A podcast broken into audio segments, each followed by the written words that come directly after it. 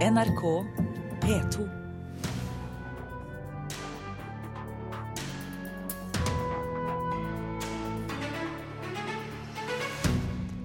Storfilm om Askeladden er på trappene. I tillegg er flere filmer og spill basert på norske eventyr på gang. Nytt dataprogram skal finne nettrollene i det øyeblikket de skriver sin hets på nettet. Og et av de viktigste vikingfunnene noensinne i Skottland, amatør med metalldetektor, var finneren. Ja, dette er noen av sakene i Kulturnytt, hvor vi i dag også snakker om klimavennlig arkitektur og anmelder den siste platen til Valkyrien Allstars. Sendingen får du med Birger Kolsrud Jåsund i studio. André Øvredal, som bl.a. har regissert filmen 'Trolljegeren', tar nå fatt på et nytt eventyr. Nå vil han lage storfilmen om Espen Askeladd, og ikke bare det. Flere filmer og spill basert på norsk mytologi og norske eventyr er på trappene.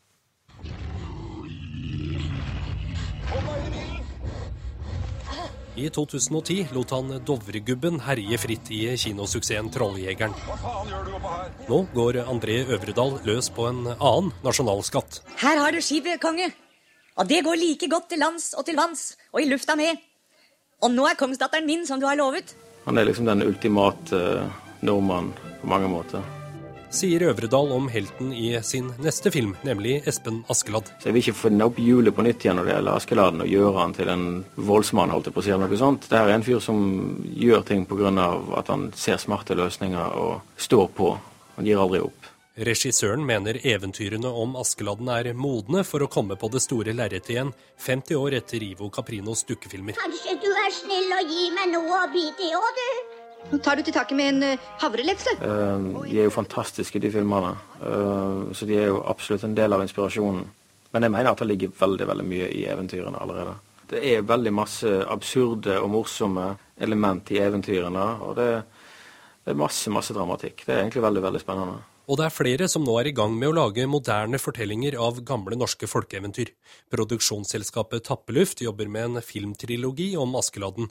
Huldi-filmen Tale får en engelskspråklig oppfølger snart, og en rekke andre filmer og spill som tar utgangspunkt i norsk mytologi, er på vei. We struggle, anguished and distressed, until we are at last pulled under and stripped of Spillselskapet Red Thread Games i Oslo lar en guffen skikkelse fra norske sagn spille hovedrollen. Draugen er eh, litt stilig, for den er ikke så definert som eh, f.eks. en nisse. Da. Eh, og det liker vi veldig godt. Spilldesigner Martin Brusgaard jobber med spillet som kort og godt heter Draugen, som lanseres for et internasjonalt spillpublikum neste år. Han mener norsk mytologi er en gullgruve for spill- og filmskapere. Vi føler at den har blitt brukt altfor lite i spill. Altfor mange som bare faller tilbake på å lage zombier når de skal ha noen noe monstre og, og, noe skummelt. Og vi tenkte vi har jo et kjempemulighet her til å tappe inn i det urnorske. Eh, og vi kan eh, på en måte pirre eh, utlendingers interesse for hva, hva, norsk mytologi eller nordisk mytologi er for noe. Så vi tenkte på at dette er win-win-win. André Øvredal er nå i ferd med å sluttføre manuset til det han håper skal bli en storstilt eventyrfilm i samme sjanger som Harry Potter, Ringenes herre og denne.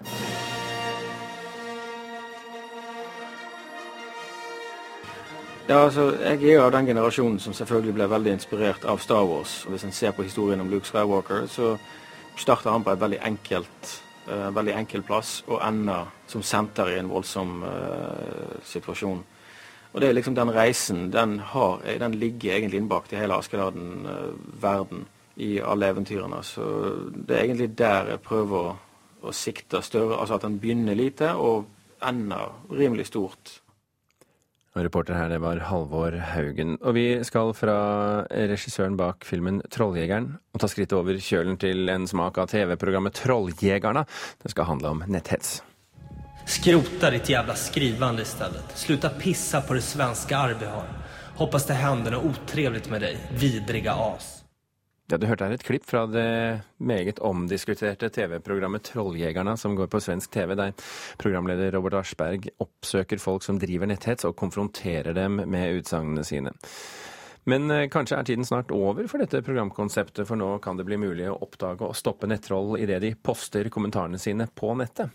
Hugo Levi Hammer, forsker ved Institutt for informasjonsteknologi ved Høgskolen i Oslo og Akershus. Hvordan har du klart å lære opp datamaskinen din til å oppdage nettrusler automatisk? Det har eh, vært en todelt prosess, egentlig. Først så tok jeg brukte ganske mye tid på å lese gjennom store mengder kommentarer på nettet. Eh, på YouTube, hvor det er veldig mye hets og hat. Og jeg markerte hver gang jeg fant en setning som var eh, enten en trussel eller en sympati med vold. Og videre så brukte jeg da, jobbet jeg med å finne en egnet metode for å kunne detektere om en setning var en trussel eller ikke. Så det er todelt, da. Ha et godt materiale og en metode, statistisk metode for å detektere disse truslene. Ja, hvor treffsikker er denne metoden? Eh, man kan snakke om to typer type feilklassifiseringer. Man kan ha en eh, harmløs setning som blir klassifisert som en trussel, eller en trussel som blir klassifisert som harmløs. Og i de testene som vi har gjort på YouTube, så er det under 10% feil for begge disse typer feilklassifiseringer. Men, men, det er vel fremdeles en viss risiko all den tid eh, maskinen ikke leter etter annet enn det vi putter inn i maskinen? Ja, definitivt. Sånn at eh, så langt så har min intensjon vært at det kan bistå altså, politiet, frivillige organisasjoner, moderatorer og andre som, opp, som, har en utfordring og er opptatt av dette med nettsett. Altså det kan hjelpe de å si, filtrere bort ganske store deler av kommentarer og materiale som man kan med stor sikkerhet si at dette, ikke, dette er sannsynligvis harmløst. Og så kan man da konsentrere seg og bruke tiden på et mindre del av kommentarene, som sannsynligvis er der hvor problemene ligger. da. Men hva er risikoen når man har en sånn automatisert eh, letefunksjon? Eh, hva er risikoen for, for feil? Nei, altså, Som jeg nevnte, så er det i hvert fall under 10% feil på dette materialet. Eh, hvis man skal forsøke på andre materialer, så trenger man også hva skal jeg si, å også ha materiale som man leser gjennom, slik at dataprogrammet kan ha noe å, å lære av. Da. For den er ganske god til å se hva slags, set, hva slags ord og ordkombinasjoner Eh, og andre typer egenskaper ved setninger er det som, gjen, som er, eh, kjenner igjen som er typisk for trusler i forhold til andre typer setninger. Ja, hva, hva, er typisk for trusler? Altså man kan si litt sånn overordnet, altså Disse metodene er ganske abstrakte, så de kan gjenkjenne mange trekk som er vanskelig for oss mennesker å forstå. Eh, men noe som man ser går igjen, det er at det typisk er en jeg eller vi. altså de må jo være, Det er de som ytrer trusselen. Det er gjerne alltid noen aggressive ord, som drepe, utrydde, kanskje et våpen, navn et våpen, den slags type ting. I tillegg så har du gjerne også målgruppen for eh, den som eh, hva skal jeg si, trusselen er rettet mot, da, som kan være eh, drittsekkene, selvfølgelig ofte muslimer, ser man, osv. Det, er jo, det, det virker som det er også en mulighet for at vi beveger oss inn i et sånt sensurfelt her, i og med at, uh, at, dette er en automatisert måte å plukke ut folk på. Um, hva tenker du om det? Jo, nei, altså det, det er eh, På et vis så er man i et dilemma. Fordi på den ene siden så er det hvis man lar disse diskusjonene gå fullstendig fritt, så, så, så, ser man at det er mye trusler. Det er mye troll. Og disse personene er også et hinder, kan du si, for ytringsfriheten, fordi de vil true andre til stillhet. Eh, så hvis man ikke gjør noe, så er det en utfordring. Hvis man har for mye sensur, så er heller ikke det bra. Så det, ligger et eller annet sted imellom der hvor kanskje en optimal eh, løsning ligger. Da. Dette verktøyet eh, men jeg da kan være noe som kan bidra til å gjøre denne jobben med å finne det balansepunktet på en bedre måte. Så i samarbeid med f.eks. politiet og, og nettmoderator, så har du litt eh, å gjøre fremdeles med dette programmet? Ja da, definitivt. Så ja. det, er, det, er et, det, er, ikke et, fullgodt kommersielt program som er eh, du kan plug and play foreløpig. For jeg har fokusert mest på metodene. Hugo Levi Hammer, tusen hjertelig takk for at du kom til Kulturnytt.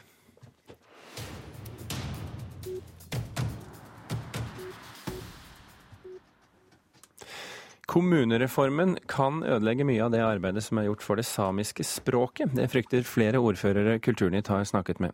De ber regjeringen om svar på hva som skjer med språkarbeidet når eh, og dersom en samisk kommune skal slås sammen med en ikke-samisk kommune. Vi har jo vært i over 20 år som en samisk kommune og har gjort en god jobb uh, der. Og, og, vi ønsker jo å være Vi skal fortsette å jobbe godt med det samiske spørsmålet.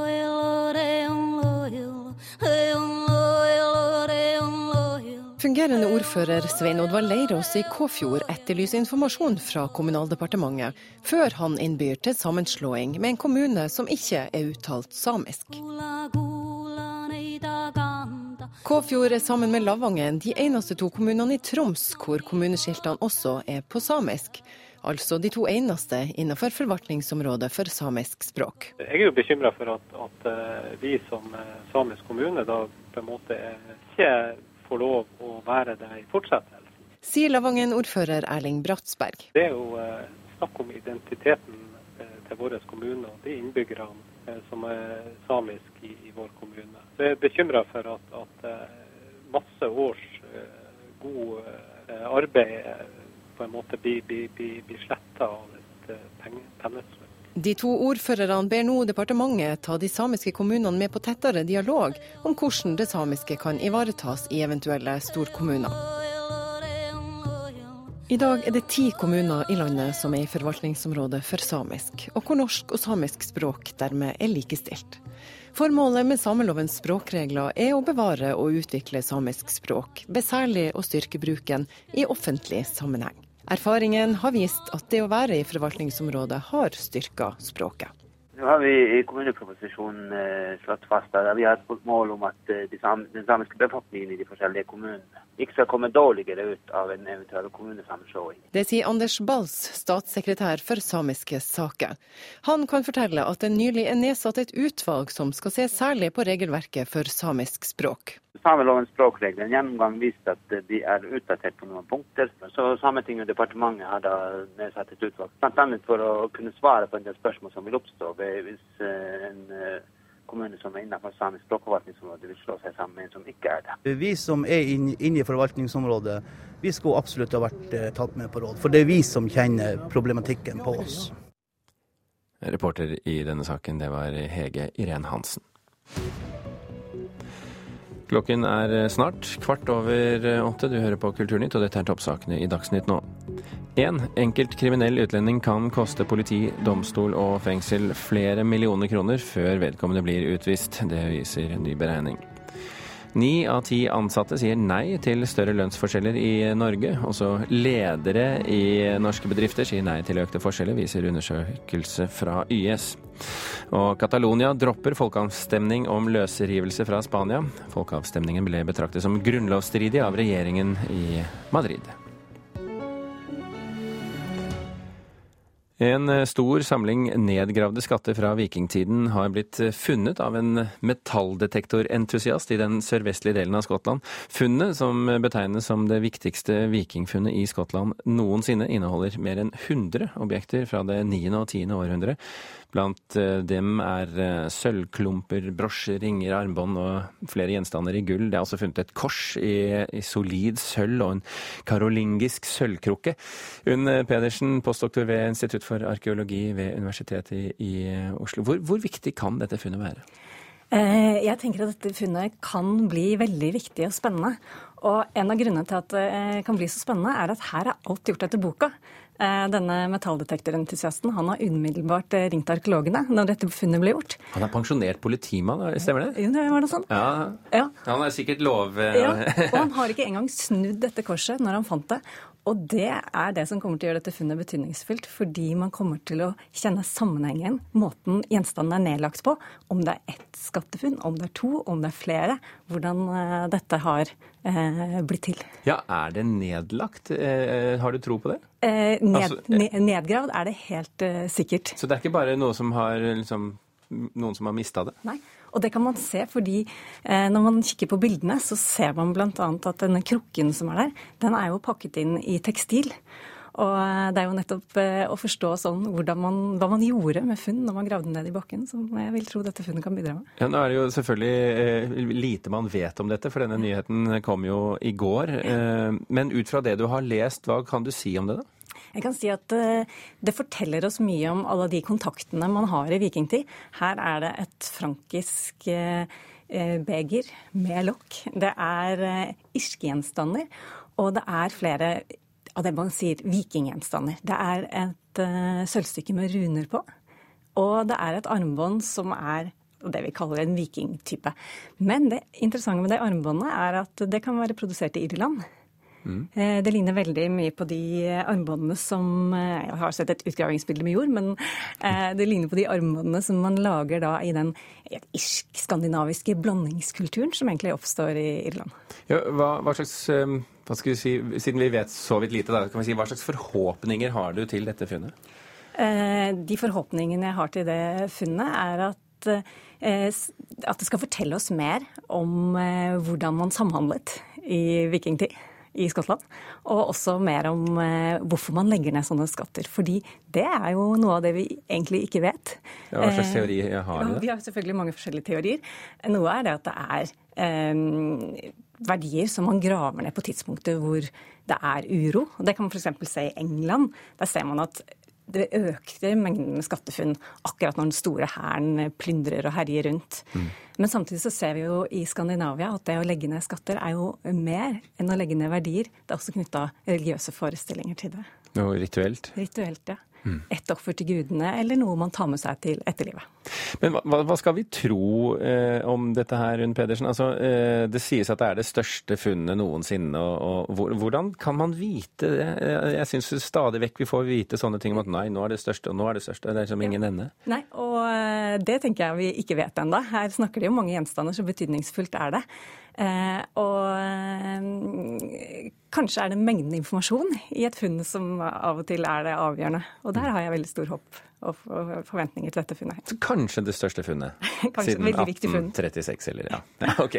Unn Pedersen fra Universitetet i Oslo, tusen hjertelig takk for at du kom til Kulturnytt. I går signerte Statsbygg, plan- og bygningsetaten i Oslo og organisasjonen Future Built en kontrakt, og med den avtalen så blir det nye Nasjonalmuseet, som bygges på den gamle Vestbanetomten i Oslo, et såkalt forbildeprosjekt når det gjelder klimavennlige ambisjoner. Harald eh, Vågåsar Nikolaisen, administrerende direktør i Statsbygg, og Birgit Rusten, såkalt programleder i Future Built, velkommen til Kulturnytt. Takk. Takk for det. Hva betyr det at dere har underskrevet en slik avtale om Nasjonalmuseet? Hvem vil kaste seg på? Ja, Det betyr at vi har avtalt å samarbeide. Statsbygg sier da at, de, at det er et forbildeprosjekt, og vi bekrefter at det eh, er et prosjekt som passer inn i porteføljen til FutureBuilt. Og da sier vi at det må levere minimum 50% redusert klimagassutslipp i forhold til hva et tilsvarende bygg etter vanlig praksis ville vært. Hvor vanskelig Nikolaisen, er det å få til 50 eh, mindre utslipp på et sånt bygg, som jo allerede mer eller mindre er planlagt? Ja, du kan si eh, Statsbygg gjør jo I alle våre bygg så stiller vi krav til klimagassavtrykk. Og så er det nye Nasjonalmuseet spesielt i den betydning at det er jo Nord-Europas største. Det er over 50 000 kvadrat. Og det er helt spesielle krav knytta til døgnkontinuerlig klima, tekniske anlegg for å ivareta kanskje vår deler av vår mest verdifulle kulturarv. Så det er klart at det å flytte grenser på den type bygg er mer krevende enn ordinære kontorbygg. og Derfor så, så er vi veldig fornøyd med å, å komme ned på 50% av sammenlignbare andre bygg. Det er, et, det er, et, stort sprang som gjør at vi strekker oss, og bransjen må strekke seg. Ja, eh, spørsmålet om det jo, kan jo stilles selvfølgelig fordi at eh, bare en, eh, noen kilometer sør for Vestbanetomten så er det jo et nytt oppusset bygg som har klart å bli nettoleverandør av strøm, altså eh, at det er mer klimavennlig å ha det der enn å ikke bygge det. Eh, på Brattørkaia i, i Trondheim så er det et stort eh, prosjekt på gang, også som skal levere mer strøm enn det bruker til å drifte og bygge det. Så, så, så, er, det, så er det komplikasjonene i dette bygget, Rusten, som gjør at, at man ikke klarer å komme enda mer ned på ambisjonene? Ja, altså Vi har hatt utgangspunkt Nå har, nå har vi, vi, har hatt en intensjonsavtale med Statsbygg om Nasjonalmuseet et par år allerede. Og prosjektet har vært prosjektert på i flere år. Så på det tidspunktet vi startet samarbeidet, så har vi oppfattet at eh, det er et eh, ambisiøst prosjekt ut fra krevende forutsetninger som, eh, som Nikolaisen sa. Så, så, mens det har vært enklere å få til på et kontorbygg. Så, så hvis, eh, hvis, man på en måte fortsetter de, liksom det som ligger i prosjektet nå, og jobber også veldig offensivt med materialvalg, så, så tenker vi at dette er et, er et ambisiøst prosjekt. Det er 50% redusert klimagassutslipp. Og det er, eh, det er, faktisk ganske bra, det. En, en, av, en av, grunnene til at, eh, at, eh, bygg klarer å bli stadig mer miljøvennlig, det er jo at byggebransjen utgjør jo en stor del av de totale klimautslippene i, i verden. Man snakker om så mye som 40 um, Det at teknologien går så fort, omtrent som under vår samtale her, betyr det også at ambisjonene kan jekkes opp litt etter hvert? For dette er jo et, et langsiktig prosjekt? Ja, I noen grad. Og det, og det vi snakker om her, er jo også ambisjonene i forhold til prosjektets levetid. Altså det er materialvalg, det er transport, og det er, det er bygget bruker i hele, hele, byggets levetid. Så det er klart at her vil det kunne bli justering i forhold til forbruks etter hvert som ny teknologi kommer de neste åra. Men på dette tidspunktet, når vi prosjekterer, så er det de facto et eh, ambisiøst prosjekt å halvere klimagassutslippene. Og vi ser jo, som, som, du helt korrekt sier, vi ser jo at eh, bygge- og eiendomsbransjen beveger seg veldig raskt fra å være brorparten av problemet knytta til, til klimagass til å å bli en stor del av løsningen. Vi ser passiv, dette vil jo være på passivhusstandard når det står ferdig. I mm. vår portefølje har vi jo plusshus, men det er klart det er eh, i hvert fall der vi står nå, så er det enklere konseptet som kommer på plusshus enn de største, mest eh, kritiske tekniske kulturbygger. Men den utviklinga kommer til å fortsette. Og neste gang vi bygger et nasjonalmuseum, så er vi der. Eh, Berit Rusten, eh, FutureBuilt er jo da dette tiårige programmet som ikke bare skal kjempe for å utvikle klimanøytrale eh, byområder, men også så er jo elementet arkitektur, altså det estetiske, inne i bildet her. Ja. Her, her, kan man jo si at det estetiske er jo bestemt allerede på utsiden, men er det ting å gjøre der også? Altså på det estetiske aspekt, aspektet ved Nasjonalmuseet? Vi, vi, vurderer prosjektene ved, når, når, vi tar de opp, om de på en måte er gode nok i forhold til både arkitektur, arkitektur og hvordan de relaterer seg til bymiljøet. Så, sånn som prosjektet har foreligget fra arkitekten, sånn, så har det vært et prosjekt som vi har vurdert som, som Det er et prosjekt med potensial også der?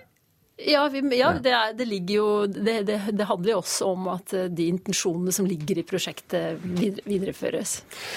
Berit, eh, nei, unnskyld, Birgit Rusten og Harald Vågåsar Nikolaisen, tusen hjertelig takk for at dere kom til Kulturnytt. Vi skal nå runde av, og vi det er Hanne Lunås, Thomas Alvarstein Ove og Birger Kålsrud Aasund. Her kommer Øystein Heggen og eh, Nyhetsmorgen. Hør flere podkaster på nrk.no podkast.